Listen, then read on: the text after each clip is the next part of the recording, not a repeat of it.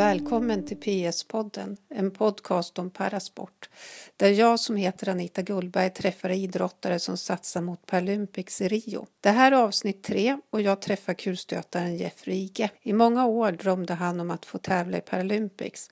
Men efter Sydney 2000 så stängdes alla idrottare med utvecklingsstörning ute från Paralympics. Och det skulle dröja ända till London 2012 innan han fick chansen. Men då tog han chansen med besked, gjorde karriärens tredje längsta stöt och tog silver i London. Vi pratar förstås om den upplevelsen men också om framtida mål och drömmar. Avsnittet har klippts av Daniel Sävström. Nu rullar vi!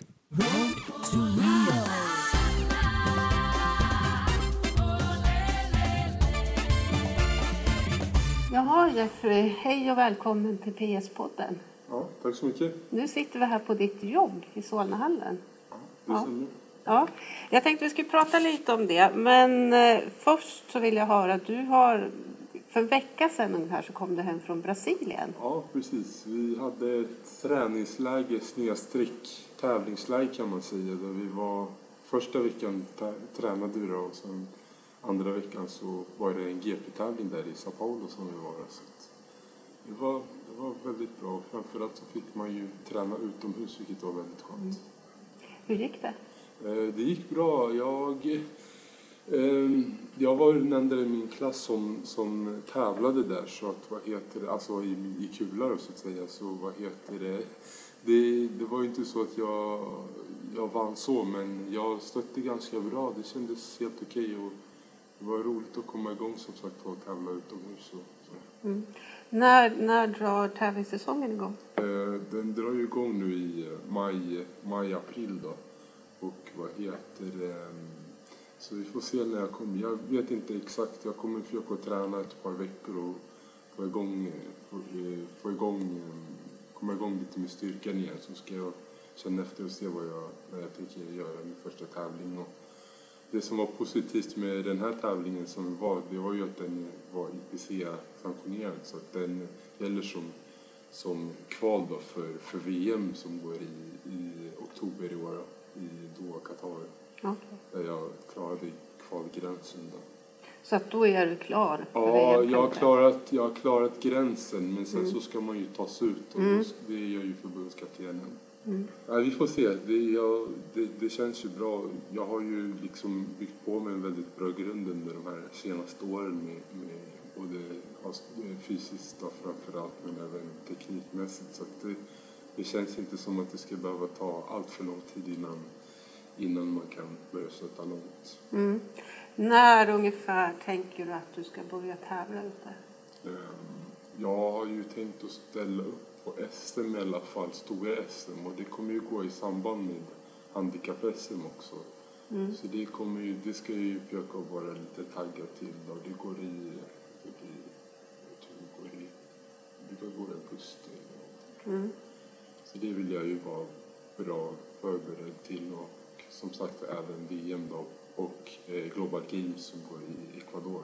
Mm. Så det är ju de två stora tävlingarna, eller de tre stora tävlingarna som jag, som jag, som jag ska försöka, och, försöka och toppa till. Mm. Mm. Så vi får se. Eller men som sagt, jag ska träna på här ett par veckor men eh, förhoppningsvis kommer jag ju försöka, åtminstone i april kommer jag ju, nej vad, vad säger jag, eh, maj kommer jag tävla. Okay. Slutet på maj kommer ja. jag tävla. Det kommer jag göra. Eh, jag tänkte att eh, vi hoppar lite bakåt i tiden till Paralympics i London. Som ju var ditt första Paralympics. Ja, eh, hur länge hade du drömt om att få tävla i Paralympics? Alltså 2003 när jag fick komma med i landslaget för första gången. Eh, men jag tror den största, jag tror att ändå att det var 2008 jag kände att jag var riktigt redo, redo för att, att, att kunna kunna ta en medalj liksom, på Paralympics. Men då blev det ju, då var det ju knasigt när, redan 2004 när vi, när vi blev avstängda. Mm. Då, blev, det ju, då blev man ju väldigt liksom, då kände man ju verkligen inte, då kände man ju verkligen som att man inte var värd någonting liksom. Och det var ju, då, då, det var inte kul alltså. Mm. Jag, jag fortsatte att kämpa och sen så, sen så så fick jag ju min chans där 2012 i London. Då. Mm. Hur var det då i London eh, att kliva in där på arenan inför fullsatta läktare? Man kan inte föreställa sig det förrän man står där Mm. själv. Och sen, men sen när man väl är där så, Mm. alltså visst det är jättestort men eh, det jag bara kunde känna av publiken det var ju bara positivt. Mm. Liksom. Det var, man var ju bara glad och det gjorde ju bara att man stötte mycket längre än vad man kanske hade gjort om det hade varit en mindre tävling. När jag kom in där och hade börjat stöta så det var ju, jag visste ju att det skulle bli svårt liksom för att det var ju eh, australiensaren hade ju precis slagit världsrekord i över en meter och jag visste ju att jag skulle få slå, svårt att slå honom. Men sen så var det ju den här malaysen där också som också var väldigt, som hade också väldigt hög kvalitet så jag visste ju att det skulle bli svårt men jag kunde ändå gå in och vara avslappnad och göra min, ja, min livs, ja, tredje bästa stöt. Mm. Så, så jag var jag var verkligen, verkligen jättestolt över mig själv att jag kunde prestera så, på så hög nivå. Liksom. Mm, ja, men det är ju stort att kunna Ja, göra det när det absolut. verkligen gäller. Jag tänker du, tidigare så har ju du haft lite problem att du blivit väldigt nervös på tävling. Eh, Men det har du jobbat med. Du jobbar med det ganska mycket inför London. Precis, speciellt inför London där när jag tog hjälp av, av, av min eh, mentala coach. Då. Mm. Hon, hon hjälpte mig väldigt mycket med, med, med det inför, för, eh, inför de tävlingarna. Det var ju väldigt, som sagt, det var en lång process innan. Då fick man, vi fick ju börja med att försöka ta reda på liksom vad, vad den här nervositeten grundade sig i eller vad det var jag var rädd för så att säga. Mm. Sen så fick vi hitta liksom olika redskap för att kunna hantera den rädslan. Som jag kunde då ha med mig sen när jag skulle stå där och tävla inför 80 000. Mm. Kan du säga, vad var det du var nervös för? Ehm, jag tror att det var, eller som jag, som jag kan säga i efterhand, det var ju att jag var väldigt, jag satte ju väldigt hög press på mig själv. Mm. Och att jag inte kunde, att jag inte kunde handskas med den. Att jag, jag fick lära mig helt enkelt att, att, att den här tävlingen liksom, att jag, jag skulle säga att det var speciella omständigheter som, som gjorde att jag inte, att jag inte, att jag inte skulle sätta så hög press på mig själv Mm. för att det var så speciellt liksom. Mm. Det var inte som en vanlig tävling som jag visste att jag kanske skulle kunna vinna liksom. Men det här skulle liksom, det här var så mycket annat omkring som Mm. spelade in i, i min prestation så att säga. Mm. Hur gjorde du då för att eh, du inte skulle bli så nervös när du gick in på i London? Jag eh, hade ju lite, jag hade ju så små ritualer där som jag, som jag hade lärt mig innan då som jag skulle göra just för att få bort fokuset från rädslan så att säga. Mm. Att jag tänker på andra saker som mellan stötarna till exempel så, så hade jag en sån en handduk över huvudet för att liksom skärma av lite grann Mm. och sen gå igenom, gå igenom min stöt, liksom, hur jag skulle göra den rent tekniskt. Så det var det, så då kunde jag liksom fokusera på det som var det positiva och det som jag kunde påverka så att säga. Mm. Och det var ju det som gjorde att jag kunde slappna av också. Ja, det verkar som det fungerar Ja, ganska precis. bra. Ja. Jag tänker på innan London eh, och några år inför där, då var ju du bäst i världen. Det fanns ingen som var i närheten av dig ett tag, utan det handlar ju bara om om du själv skulle sätta nya världsrekord. Eh, men sen bara då några månader innan London så, så kom den här australiensiska och satte Precis. Och världsrekord. då blev jag ju, självklart så, den första reaktionen var ju liksom oj, vad är det här för kille liksom? Då blev jag ju liksom lite så här, oj, vad ska jag, hur ska jag, vad, ska jag kunna eh, göra mot det här liksom? Men sen, ju mer tiden gick så lärde jag mig det att jag tror det var positivt faktiskt, eh, att han kom.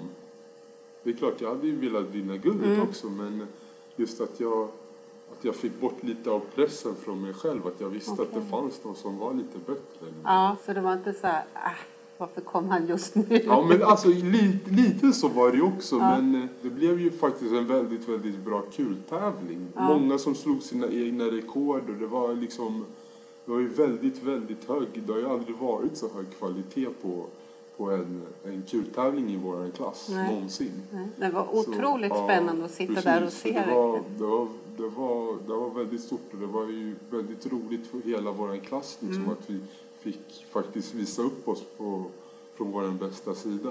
Ja, men det kanske är bra också att inte vinna jämt så Nej. att man blir man lite Nej, mer det är det peppad. Det är det jag menar. Ja. Att man, man, kan faktiskt, man har faktiskt mycket mer att lära av en, en så att säga, inom situationstecken, en förlust. Än när man bara vinner. Mm. Då, då är det svårt att sätta sig in i hur det känns att ligga liksom under läge så att säga. Mm. Så det, det, det var faktiskt positivt på det sättet. Mm. Är det de här två som är dina största konkurrenter? Ja, då? som det ser ut just nu så, så är det det. Ja. Nu vet ju inte jag hur för jag har inte, jag har inte följt, jag, jag är inte så jätteduktig på att följa de andra. Jag Nej. tror inte det är där jag ska lägga mitt fokus heller. Nej. Jag ska lägga mitt fokus på min, min, min egen prestation och, och min egen utveckling liksom. Och så får det räcka till vad det räcker liksom. Mm. Så, så vi får väl se. Det ska bli väldigt intressant. Och som sagt det är ju ett IPC, IPC-VM i, i Doha, Qatar i år och mm. där får vi ju kvotplatser till Paralympics. Ja. Den här silvermedaljen du tog i London då, hur, hur mycket betyder den för dig? Eh, det är ju, det är ju, alltså idrottsligt är det ju det största jag har gjort. Det är ju, mm. och nästan i mitt liv också, liksom, måste jag ju säga. För det var ju så Eh, det var ju så stort alltså att ställa sig på den där pallen då inför 80 000 och sen se sitt namn där på, där uppe på tavlan och, och så. Det var, det var jättestort och flaggan där. Det var, det var, det var verkligen mäktigt och man, mm. ja, man, man, man ryser faktiskt fortfarande när man tänker på det för att det var så, det var så stort. Vart har du medaljen idag? Eh, den har jag faktiskt, nu har jag faktiskt fixat till ett ett litet eh, medaljskåp kan man säga, eller en hylla som jag har ställt alla mina grejer på. Ja. Du har ju ganska många idag. Så, alla, får inte, alla får inte plats där men, men jag har i alla fall den medaljen där och så har jag lite pokaler som jag har fått och sen även min från Idrottsgalan också. Mm. Så att det, det, det är, ja, men det är jättehäftigt. Mm. Jag känner mig verkligen stolt att jag gjort det. Mm.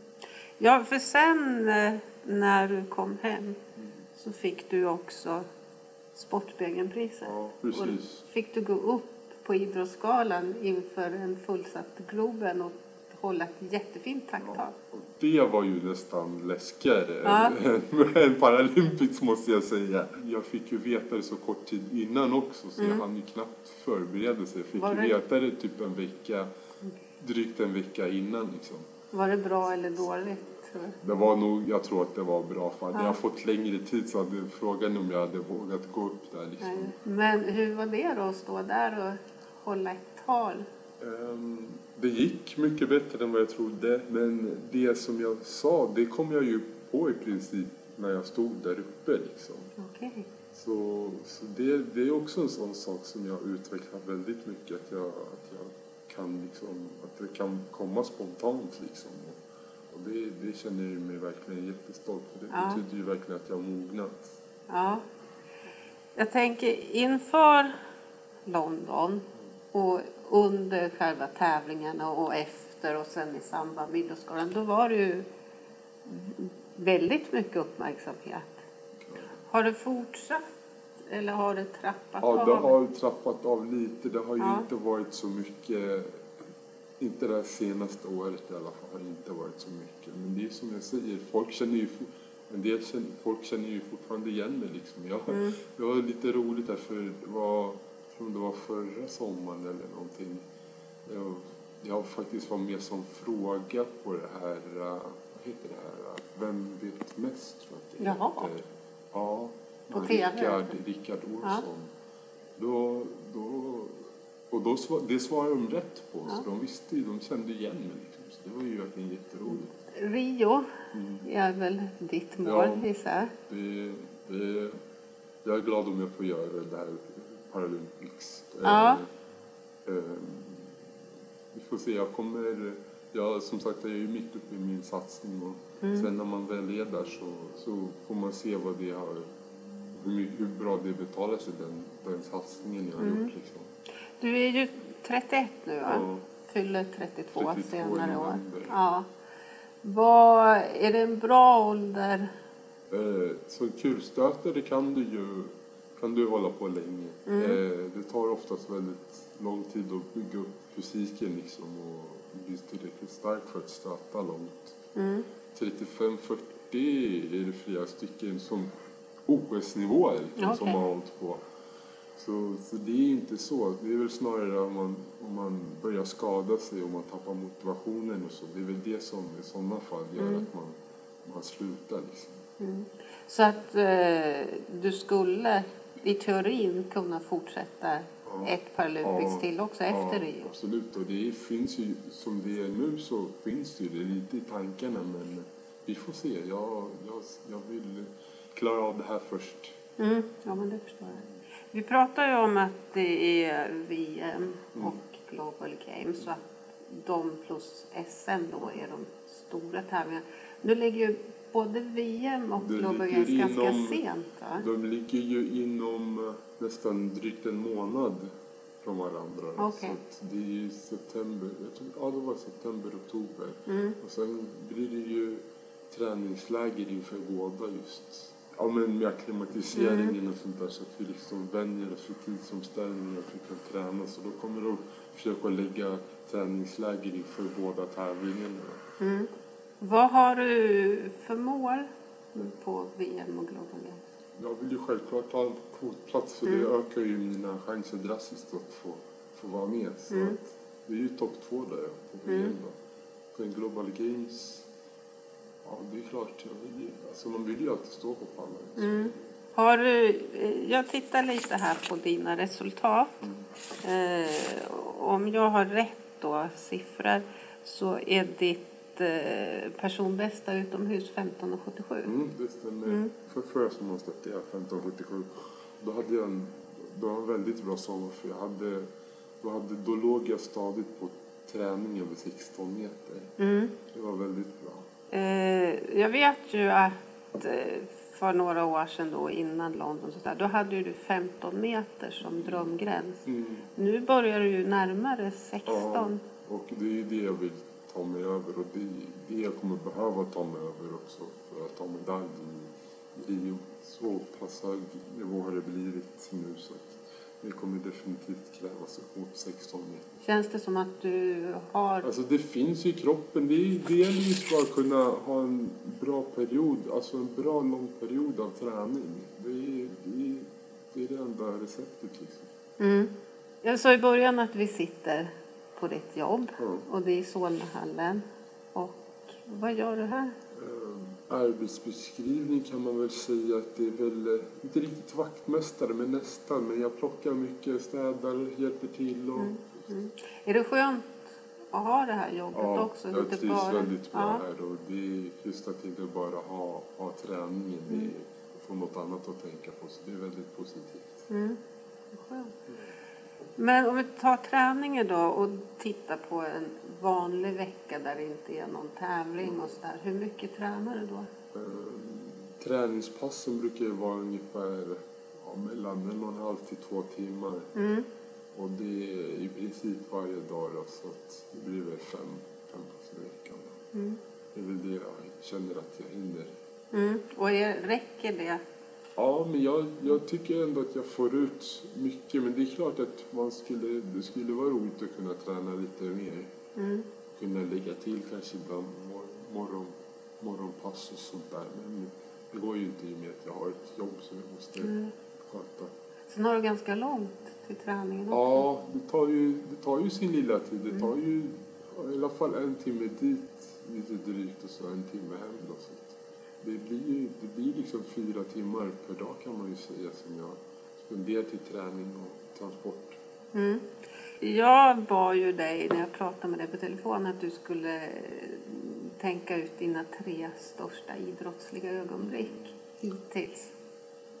Eh, självklart måste jag ju säga Global Games 2004. Eh, Mm. det var ju Din först- första Det internationella var medalj. första internationella medalj. Det, det, var ju, det var ju jättekul. Det var ju, det var ju, eh, det var ju mamma där och min, Ja. min lilla syster var ju där också. Så det, var ju, det var ju jättestort. Det måste jag sätta som... Ja, jag kan inte placera etta, två, tre. Nej, nej, det men, behöver eh, inte göra. Men men, eh, och sen så skulle jag, eh, ja, vet inte riktigt, men jag skulle nog säga, jag skulle nog säga IPC, IPC-VM i, på Nya Zeeland, för det var första gången jag tog en guldmedalj på ett VM. mm. Och så självklart mitt, paralymp, mitt paralympiska silver som är det största jag har varit med. Mm. Det, det ja. Ja. Vad har du för, vad ska man säga, drömmar framöver? Jag har ju sagt att jag skulle vilja stöta 17 meter och ta mig in på topp top 10 topp 10-listan i, i Sverige bland Mm. funktionshindrade. Man ser, man får, ju, som sagt, det gäller bara att träna och träna och träna så, så, kommer det liksom. Mm. Och det känns inte som att det resultatet det är inte något helt ouppnåbart utan det finns, det finns absolut möjlighet till att göra det men då måste jag också lägga ner energin på det. Mm. Har du någon, jag vet du att du har, du har ju tävlat på SM, Ja, Friidrottsförbundets SM. precis. Har du några drömmar där? När det, alltså att du skulle vilja tävla någon tävling som du skulle vilja vara med i? Jag har ju sagt att jag vi skulle vilja vara med i en finkamp någon gång. Mm. Ehm, alltså, det är svårt för det är, det är väldigt, alltså det krävs väldigt mycket. Alltså, du måste stöta väldigt långt för att, Mm. för att vara med upp och slåss där. Ehm, jag vet inte, men samtidigt så är det så olika från år till år hur mycket som krävs. Liksom. Ibland kan det vara 16 meter, ibland, ibland kan det vara 18 meter. Mm. Liksom. Eh, Så det är väldigt, och nu har vi, en, har vi haft en väldigt, det har gått uppåt väldigt mycket, kvaliteten har gått uppåt väldigt mycket i kula i Sverige. Så att, så att det är många som stöter över 16 och över 17 också, Mm. och 18 också. Så Mm. det, det är jättesvårt. Jag tänkte också be dig, eh, du har ju en lätt utvecklingsstörning. Ja. Ja, kan du förklara för mig lite vad det innebär? Och hur det påverkar din, ditt idrottande? Jag kan ju säga så här att det, ehm, min eh, funktionsnedsättning, lätt eh, utvecklingsstörning, den gör ju att jag har inlärningssvårigheter helt enkelt. Det Mm. tar väldigt lång tid för mig när jag ska lära mig nya grejer. När jag ska lära mig en ny rörelse i tekniken till exempel så kan min tränare behöva han kan behöva förklara det lite bättre för mig och visa, visa mig liksom hur jag ska göra innan jag förstår vad det jag ska göra Mm. och jag kan utföra det. Så det, det, det krävs, lite, krävs lite tålamod med mig ibland. Liksom. Mm. Jag har ju förstått det själv och min, mina tränare förstår det också. Liksom. Det är väldigt positivt. Men det funkar bra idag? Ja, precis. Vad bra Jeffrey. Mm. Jag tror att vi stannar där. Ja. Tack ska du ha och Ja. lycka till inför Rio. Ja, det var så mycket.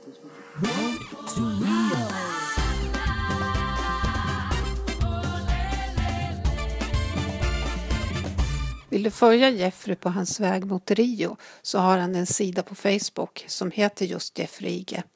PS-podden finns också på Facebook och på iTunes. Gå in och sök på PS-podden. Tack för att du lyssnat. Jag hoppas att vi hörs igen.